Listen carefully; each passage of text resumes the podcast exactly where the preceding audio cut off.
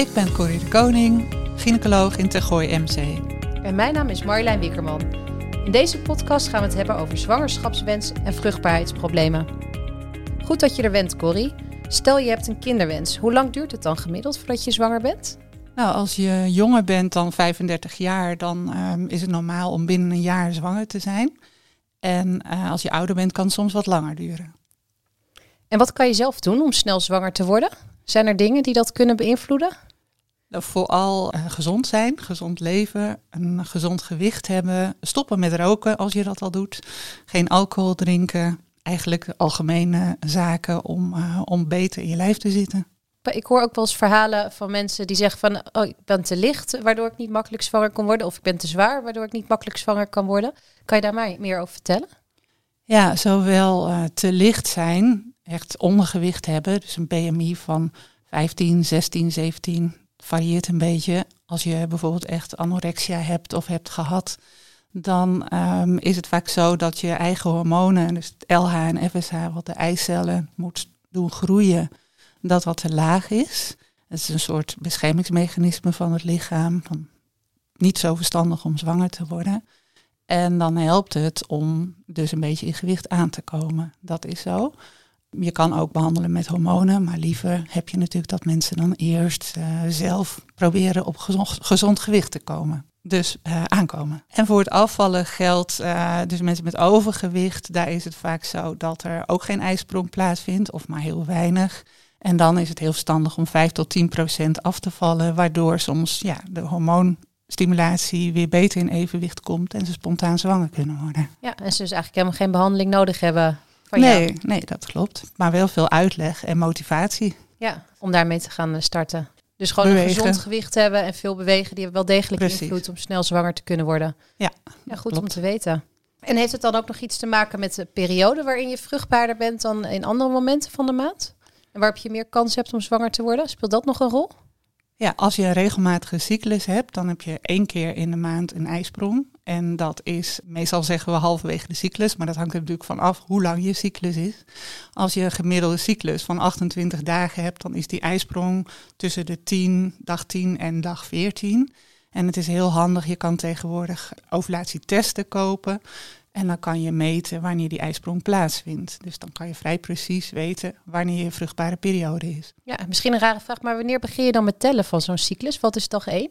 Dag 1 is de dag dat je gaat menstrueren. Dus de eerste dag van bloedverlies, dat tellen we altijd als dag 1. En dan 10 dagen later, tussen 10 en 14 dagen later, dat is eigenlijk je vruchtbare periode. Ja, over het algemeen wel. En zo'n testje helpt je dan om er precies uit te vinden of het dan 10, 11, 12, 13 of 14 dagen is. Precies. En hoe werkt zo'n testje precies? Nou, dat ziet er een beetje uit als een zwangerschapstest. Je kan hem gewoon kopen bij de drogist. En je moet dus ja, je urine testen op een bepaald hormoon, dat LH-hormoon, wat ervoor zorgt dat je eitje gaat springen.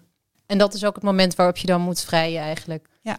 En is dat echt per uur, minuut, uh, dagen? Hoe uh, precies nou, komt zoals alles bij uh, mensen varieert het nogal. Maar als die positief is, dan heb je de komende 12 tot 24 uur het meeste kans. En bij sommige vrouwen blijft die test echt maar één dag positief, bij sommigen nog twee. Maar als die positief is, dan moet je aan de slag. Ja, nee, dat is wel goed. En uh, echt een makkelijk hulpmiddel waar je zelf ook al mee uh, uit de voeten kunt.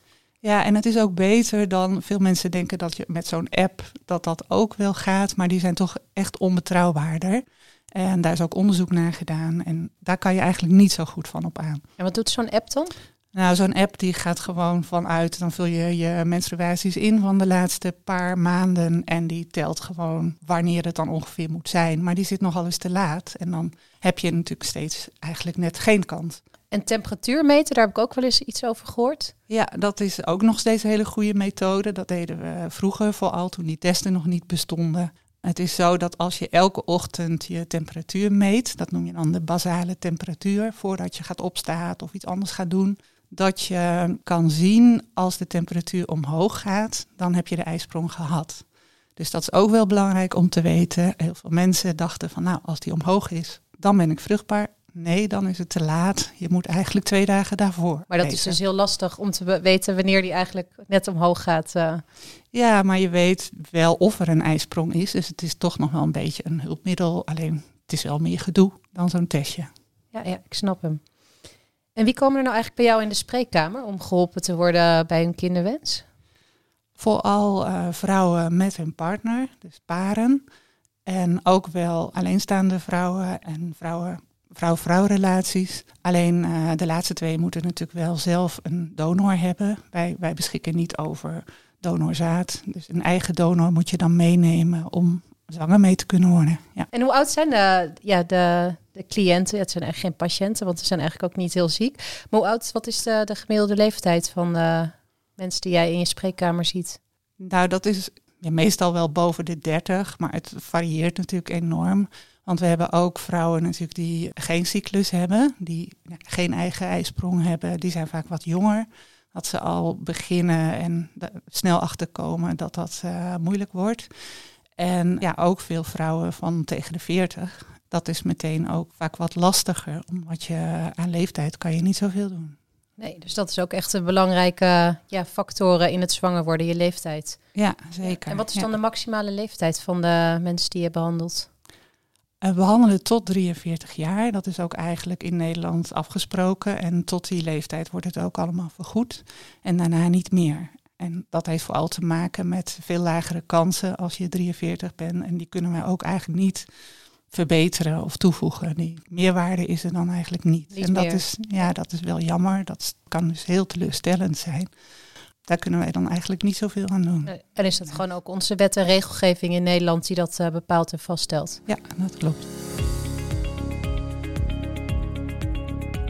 En wat is nou het moment dat mensen zich zorgen maken? Je had het net over vanuit het kunnen jonge mensen zijn, nog onder de 30 of mensen die al uh, ja, rond de 40 zijn. Wat is nou het moment waarop ze denken van nou, we hebben twee cyclussen uh, aangekeken, het lukt niet, uh, ik ga naar mijn huisarts. Wat is nou het, het moment waarop je bij jou terechtkomt? Als je een gewone regelmatige menstruaties hebt, dan is na een jaar zelf proberen, is het gebruikelijk om bij de huisarts langs te gaan en te vragen van nou, kan ik verwezen worden naar een uh? Als je geen menstruaties hebt of maar heel weinig, uh, een paar keer per jaar, dan kan je eerder verwezen worden. Want dan heb je gewoon spontaan hele lage kansen. Om uit jezelf zwanger te worden. Maar een jaar is eigenlijk gewoon helemaal niet iets raars. En mensen hoeven zich geen zorgen te maken op het moment dat het acht of negen maanden duurt. Nee, het is echt wel gebruikelijk dat je een paar maanden nodig hebt. Het is zo dat als je heel gezond bent en, en jong, dan is 30% eigenlijk gewoon wel uh, binnen drie, vier maanden zwanger. Maar het kan echt tot een jaar, is, is echt nog normaal om zwanger te worden. Dan hoef je nog niet meteen zorgen te maken. En hoeveel procent is dan na een jaar zwanger? Na een jaar is ongeveer 80% zwanger. Oké, okay, dus dat is echt wel echt een hele grote kans dat het gewoon lukt uh, binnen een jaar. Ja, ja, gelukkig wel. En hoe komen mensen dan bij jou uh, terecht op de afdeling fertiliteit? Via de huisarts. Ze kunnen verwezen worden naar de afdeling fertiliteit. En uh, de huisarts schrijft dan een briefje. En vervolgens krijgen de uh, patiënten een vragenlijst, uitgebreide vragenlijst. En gaan we een, een intakegesprek plannen. En na dat intakegesprek krijg je dan allemaal onderzoeken. Hoe ziet dan het hele traject eruit? Kan je daar meer over vertellen? Ja, we beginnen vaak met een uh, oriënterend fertiliteitsonderzoek. Dat is, zoals het woord al zegt, oriënterend. Om te kijken of er een oorzaak gevonden kan worden ja, waarom het zwanger worden nog niet lukt. En dat houdt in dat je met behulp van een echo gaat kijken wanneer de ijsprong plaatsvindt, of de baarmoeder er normaal uitziet. Verder wordt er een uh, zaadonderzoek gedaan bij de partner. Om te kijken of er voldoende en voldoende bewegelijkheid in de zaadcellen zit. En daarna wordt er ook gekeken via een, een speciale baarmoederfoto, zeg maar vaak, of om te kijken of de eileiders uh, doorgankelijk zijn en de vorm van de baarmoeder normaal uitziet. En bloedonderzoek, doen jullie dat ook nog? Is dat ook nog onderdeel van het traject? Ja, er wordt ook altijd één keer standaard bloedonderzoek gedaan. Dat doen we meestal uh, na de ijsprong, want dan kan je ook meteen kijken of het hormoon van de tweede helft, dus het progesteronhormoon, uh, mooi omhoog gegaan is. Dus je hebt eigenlijk vier verschillende onderzoeken die je doet. Je hebt uh, als eerste de echo's, twee het zaadonderzoek bij de man, bloedonderzoek en je hebt ook nog de mogelijkheid om een uh, foto te maken van de baarmoeder. Nou, bloedafname vindt natuurlijk niemand uh, ja, heel erg, maar het is natuurlijk wel eventjes vervelend zo'n buisje of een paar bluisjes bloed afnemen. Maar die andere onderzoeken, zijn dat vervelende onderzoeken? De echo om eierstokken goed te zien is over het algemeen niet pijnlijk, maar Kan natuurlijk wel even vervelend zijn. Is maar dat een inwendige dat is echo? een inwendige echo, ja. We doen eigenlijk alle, alle echo's inwendig, omdat je daarmee beter de eierstokken kan zien. Ja, de baarmoederfoto die wordt over het algemeen wel als vervelend ervaren. Daar, eh, daarbij, ja, dat is gewoon een iets, iets ingewikkelder onderzoek waarbij je een klein slangetje in de baarmoedermond aanbrengt en eh, contrast spuit en vervolgens een aantal röntgenfoto's eh, gaat maken. En daarom wordt, eh, worden mensen ten eerste gewoon goed voorgelicht. Hè, van, dat kan je verwachten. En ook geadviseerd om pijnstilling te nemen van tevoren. Dus je krijgt, het hoeft geen roesje, je kan met paracetamol van tevoren, kom je eigenlijk wel goed eh, uit. Ja, ja. En hoe ziet die planning van al deze onderzoeken eruit? Wat, wat doe je als eerste en wat doe je als laatste? Eh, de planning is altijd afhankelijk van wanneer iemand is gaan menstrueren. Want je moet voor de ijsprong moet je kijken of daar een eh, eitje zichtbaar is. En in de eerste cyclus doen we vaak dat, hè? dus de echo's en het zaadonderzoek. En in de tweede of derde cyclus wordt de foto van de baarmoeder gepland. Dus dan ben je eigenlijk wel drie maanden bezig met al deze onderzoeken. Dat zou zomaar kunnen als je het over drie cyclussen hebt. Ja, ja, dat kan. En hoe lang duurt het dan voordat je de uitslag eh, hebt en dat je weet wat er aan de hand is en waarom het niet eh, lukt om zwanger te worden? Nou, bij een aantal van die onderzoeken die ik zei, hè, dus een echo en eh, de baarmoederfoto, dan kan je eigenlijk meteen zien of het goed is. Dus dan weet je de uitslag eigenlijk meteen. En de bloedonderzoek en zaadonderzoek wordt meestal na een week een, een afspraak gemaakt om de uitslag te bespreken. En als het hele onderzoek afgerond is, dat oriënterend fertiliteitsonderzoek, dan wordt er altijd een uh, evaluatie gepland om uit te leggen nou, wat er gevonden is en wat de spontane kansen nog zijn in het komende jaar. En dat, is, uh, ja, dat doen we volgens een bepaald model. Dat doet eigenlijk iedereen in Nederland. Het model van Huno. Waarbij je kan inschatten wat je kansen zijn op spontane zwangerschap het komende jaar. En dat model van Huno, dat wordt dan ook, is dan een soort diagnose die je eigenlijk uh, stelt. Of dat geeft ook aan wat, wat je dan precies hebt, waardoor je niet zwanger kan worden.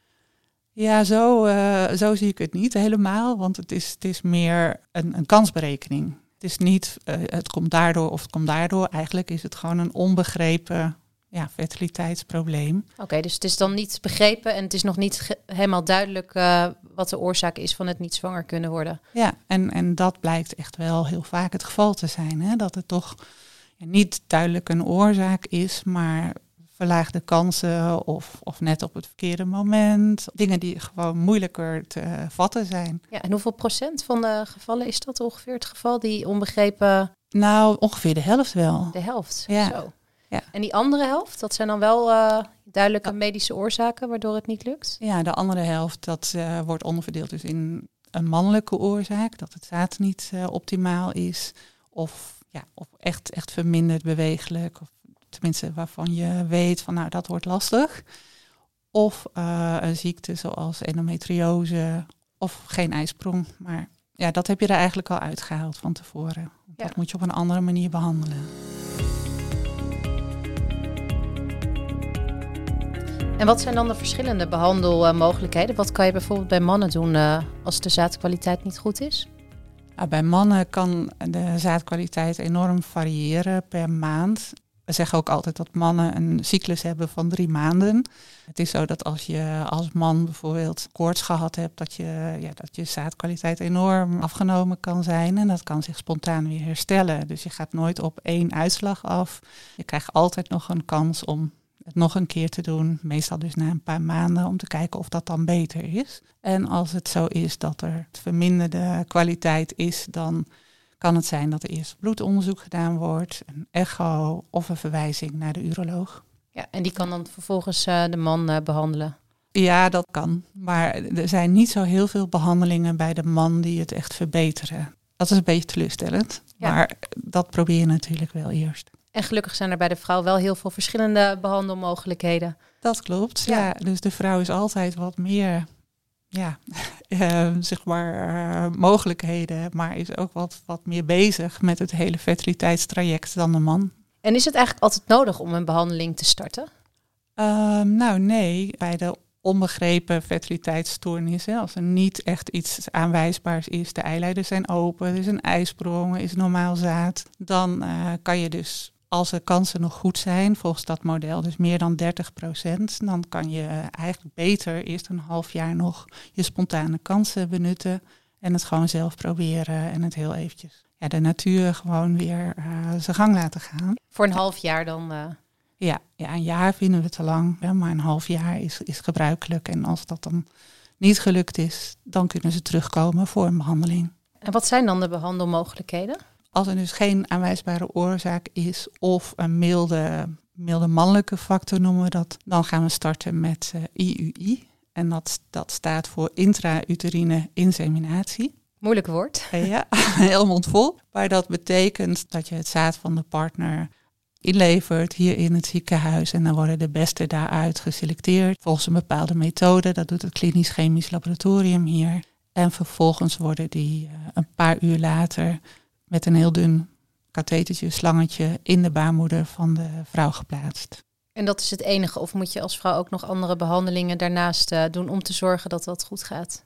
Ja, eh, het is wel gebruikelijk om daarbij, om de kansen te vergroten, de eierstokken ook licht te stimuleren. Dus met behulp van hormooninjecties in plaats van één eitje, twee eitjes te laten groeien en zo de kansen wat hoger te maken. Dus dan heb je meer eitjes en de beste zaadjes eigenlijk. En op die manier verhoog je de kans op een zwangerschap. Precies, dat is, uh, dat is het idee. Is dat nou vervelend als ze die uh, zaadjes inbrengen? dat wisselt nogal, maar het is vervelend omdat je natuurlijk in een vervelende houding ligt. Voor een vrouw is dat nooit heel prettig om in een gynaecologische stoel te liggen. Een, een spreider moet er ingebracht worden. En vervolgens wordt heel voorzichtig met een dun slangetje de, het kanaaltje opgezocht en uh, die zaadjes achtergelaten. Het kan een beetje krampen, het kan soms een klein beetje bloedverlies geven, maar over het algemeen is dat niet heel vervelend. En met tien minuutjes ben je klaar? Korter. Korter. Ja. Oh, dat valt best wel mee en is over te overzien. En wie, met wie krijg je dan allemaal te maken? Je had net over het eh, laboratorium en je ligt in een gynaecologische stoel. Wie zijn daar dan allemaal bij aanwezig?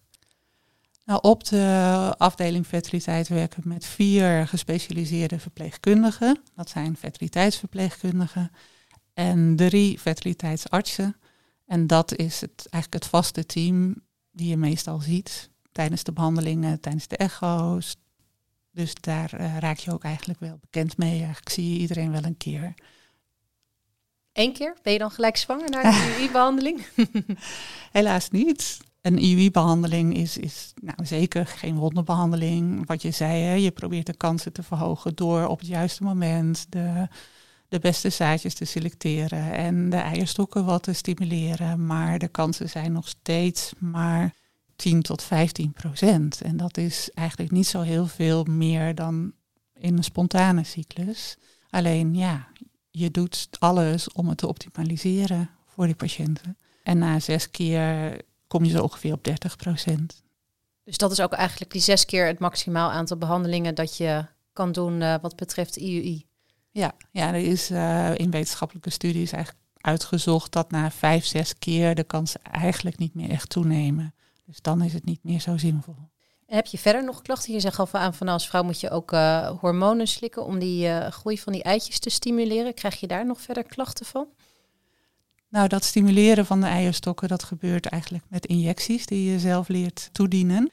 En ja, dat is natuurlijk vervelend. Het kan op de insteekplaats een blauwe plek geven en, en pijnlijk zijn. En als het te snel gaat, dus als er te veel eitjes tegelijkertijd gaan groeien, kan je buikpijn krijgen. En dat kan soms ook een reden te zijn om te stoppen. En om eerst de boel weer tot rust te laten komen en niet verder te gaan. Ook om het risico op grote meerlingen te voorkomen. Je had over insteekplek. Waar doe je dat? In je arm, je been, je billen?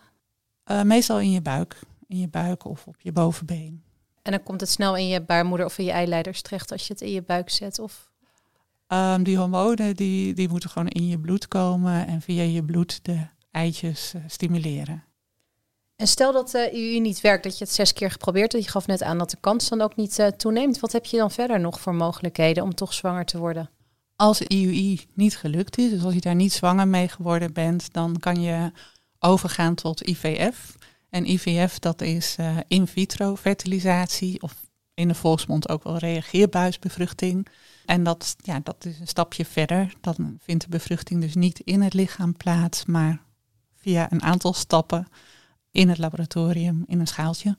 Ja, dus bij IUI haal je de zeiltjes eruit en die plaats je toch weer terug bij een vrouw.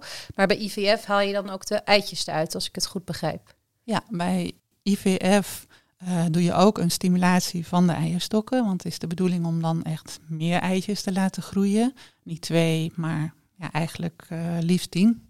Met hetzelfde hormoon als dat je bij IUI gebruikt met die injecties in je buik? Of zijn dat andere injecties? Ja, dat zijn dezelfde injecties. Als de eitjes groot genoeg zijn, of de eiblaasjes, dan wordt er een, uh, ja, een eicelpunctie afgesproken om de eitjes via ook weer die echo uh, en een speciale naald uit uh, de eierstokken te halen.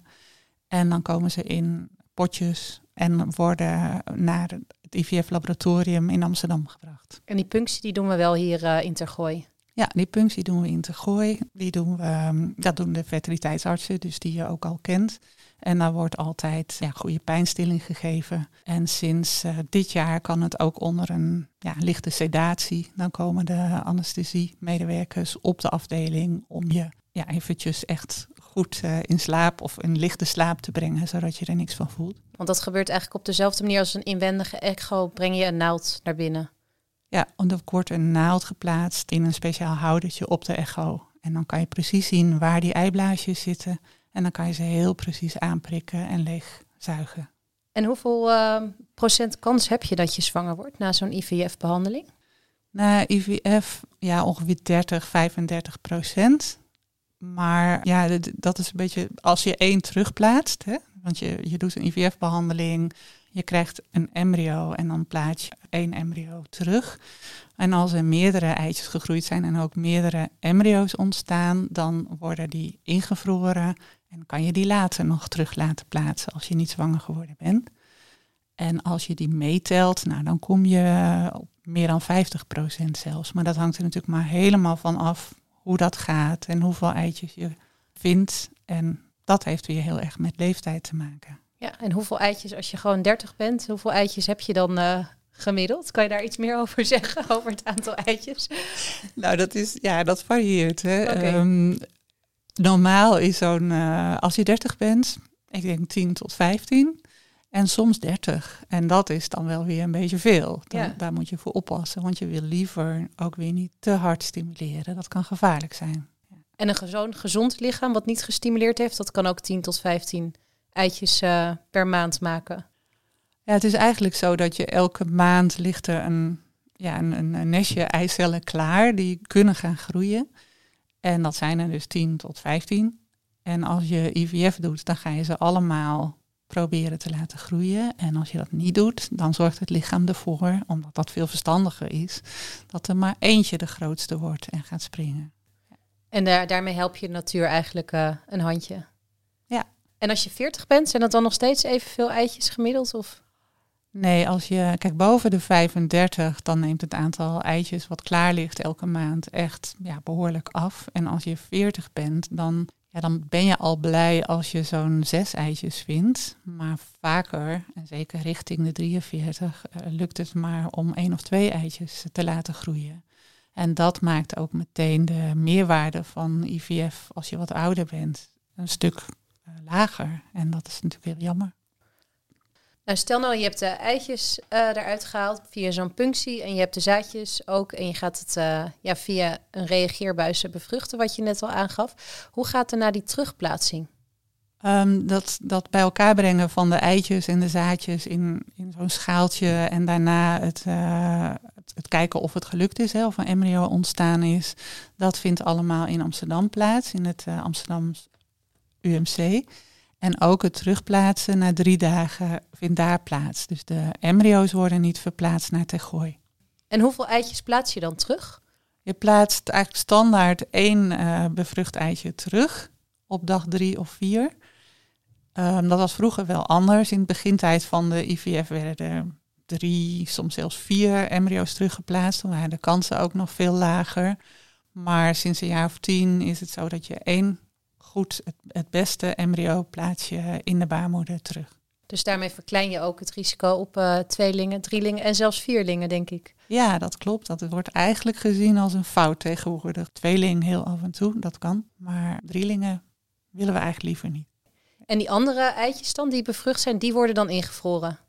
Ja, de andere eitjes die een dag later, of de, de embryo's noem je ze dan, hè, als die een dag later nog steeds heel goed uitzien, worden die uh, ingevroren. En die kunnen ja, tot jaren kunnen ze ingevroren stil liggen te wachten tot het nodig is om die ook een kans te geven in de baarmoeder. En stel nou dat die eerste IVF-poging niet uh, gelukt is, dat eerste terugplaatsing, dan kan je gelijk de maand naar op in je volgende cyclus een tweede terugplaatsing krijgen? Of laat je daar wat tijd overheen gaan? Je krijgt na zo'n uh, eerste IVF-cyclus eigenlijk één maand rust om de eierstokken weer helemaal um, klein en normaal te laten worden. En vervolgens in een, in een eigen cyclus kan dan zo'n terugplaatsing van een ingevroren embryo plaatsvinden. En op het moment dat er zes eitjes uh, via zo'n punctie uh, eruit gehaald zijn, heb je eigenlijk, ja, kan je zes kansen hebben, theoretisch gezien, uh, voor een terugplaatsing. Nou, dat is wel een heel ideaal scenario. Want het is wel, ja, het is natuurlijk niet altijd allemaal perfect. Dat is in de natuur eigenlijk nooit zo. Dus als je bijvoorbeeld zes eitjes vindt, dan kan je vijf embryo's hebben. En dan worden er bijvoorbeeld één teruggeplaatst en nog drie ingevroren. Maar het kan ook meer, dat klopt. Dus je hoeft niet elke maand of elke paar maanden zo'n vervelende punctie eh, te ondergaan. Dan. Dat is dan wel weer uh, prettig voor iedereen uh, die in dit traject komt. En waar ik nou benieuwd naar ben, worden al deze IUI waar we het net over hadden, maar ook de IVF-behandelingen, worden die allemaal vergoed door zorgverzekeraars? Ja, gelukkig worden de IUI-behandelingen zes keer en de IVF-behandelingen drie keer vergoed. Daar, dat is wel een tijdje anders geweest, maar um, het is gewoon in de basisverzekering vergoed. En ik hoor ook wel eens mensen die uitwijken naar het buitenland voor behandeling. Wat is daar dan de reden van? Omdat ze over dit aantal behandelingen heen zijn uh, gegaan en het in Nederland niet meer vergoed worden? Of heeft dat ook andere redenen? Ja, dat kan. Dat in het buitenland um, nog een kans proberen voor eigen rekening. Veel mensen gaan naar België. In België doen ze soms ook weer net wat meer, wat uh, toegevoegde behandelingen, waarvan wij in Nederland zeggen van ja, dat is niet aangetoond dat het echt meerwaarde heeft. Maar dat kan wel, dat je dus daar uh, naartoe gaat. Ja, dus dat zijn eigenlijk de belangrijkste redenen, omdat je daar in het buitenland andere wet en regelgeving hebt uh, rondom fertiliteit. Nou, ook omdat de artsen daar vaak wat, wat, verder gaan of wat behandelingen toevoegen waarvan wij eigenlijk zeggen van nou, dat is nog helemaal niet bewezen dat dat zoveel beter gaat. Ja, en wetenschappelijk aangetoond ja. dus ook. En wat zijn eigenlijk de ontwikkelingen geweest in de afgelopen jaren op het gebied van vruchtbaarheidsbehandelingen? Nou, eigenlijk waar we het net al een beetje over hadden, dat de kansen enorm toegenomen zijn door betere laboratoriumontwikkelingen en ook door het invriezen van de bevruchte eitjes. Want dat heeft echt een enorme vlucht genomen. En daardoor is het ook zo dat, ja, dat er op het moment zelfs meer vrouwen zwanger worden van ingevroren embryo's dan van vers geplaatste embryo's. En welke ontwikkelingen verwacht je nog in de toekomst uh, op het gebied van vruchtbaarheidsbehandelingen? Nou, wat er sowieso steeds meer plaatsvindt, is niet het invriezen van de embryo's, maar van de eicellen die uh, bij IVF gevonden zijn. En dat, is, uh, dat gebeurt ook al, hè. bijvoorbeeld in academische ziekenhuizen, dat je bijvoorbeeld als je een kankerbehandeling moet hebben, dat je heel snel alvast je eicellen in laat vriezen in de hoop dat je, als je beter bent, daarna die kunt gebruiken. Maar ook voor vrouwen die nog geen partner hebben en bijvoorbeeld 35 jaar zijn en ja, graag hun, vruchtbaarheid eh, willen bewaren, dan kan je op eigen kosten een IVF-behandeling doen en die eicellen in laten vriezen andere ontwikkelingen. Dat heeft ook te maken met dat de jonge vrouwen met kanker gelukkig steeds beter behandeld kunnen worden. En er worden ook eh, hele stukjes eierstok ingevroren en later teruggeplaatst. Dat kan in sommige landen zijn ze al ietsje verder, maar in Nederland begint dat nu ook in uh, een aantal academische ziekenhuizen. Dus dat zijn op zich hele mooie ontwikkelingen. En voor mannen met kanker geldt natuurlijk hetzelfde ook, toch? Dat zij zaadjes kunnen laten invriezen. Ja, maar dat is altijd wat makkelijker. Ja, ja, ja, dat is ook wel zo. En doet minder pijn. Ja. En heb je als patiënt nou zelf iets uh, te kiezen? Kan ik nog zeggen van, nou, ik geloof niet in IUI, die kans is uh, veel lager dan uh, IVF. Ik wil gelijk IVF. Nee, zo werkt het eigenlijk niet. Dat je zelf kiest. Meestal wordt er gewoon goed uitgelegd wat de kansen bij de verschillende behandelingen zijn. En met goede voorlichting en daarna samen beslissen, samen kiezen, komen we er meestal wel uit. En stel nou dat ik toch nog net, het is nog steeds niet gelukt, wat natuurlijk vreselijk is uh, voor uh, mensen die dat meemaken, na zes UI en naar drie IVF-behandelingen. Kan ik dan nog zeggen, ik wil een vierde en die betaal ik zelf bij jou? Soms wel, als, uh, als de behandelingen wel ja, goed gegaan zijn en wel kans van slagen hebben. Dus als er wel meerdere eitjes uh, gegroeid zijn en, en gevonden zijn. Als het al twee keer maar met één eitje gebleven is, dan, ja, dan, dan adviseren we eigenlijk dat niet. Om dat nog een keer voor eigen rekening te doen. Het zijn dure en belastende behandelingen en die kansen zijn dan zo klein dat je soms spontaan eigenlijk evenveel kans hebt. Dus dan ja, wordt dat niet geadviseerd. Laten we van uh, het goede uitgaan dat de behandeling uh, heel snel heeft uh, geholpen en je toch snel zwanger bent geworden. Hoe ziet dan verder je zwangerschap eruit? Blijf ik bij jou onder behandeling of hoe gaat dat? Nee, als je zwanger bent en het zit op de goede plek, dan ben je net zo zwanger als een andere vrouw die spontaan zwanger geworden is. Dus heel vaak word je gewoon naar de uh, verloskundige verwezen. En dan word je daar begeleid in de zwangerschap. Dus je hebt verder geen extra complicaties of risico op aangeboren afwijkingen of wat dan ook? Nee, daar is inmiddels best veel onderzoek naar gedaan. Dat is gelukkig niet zo.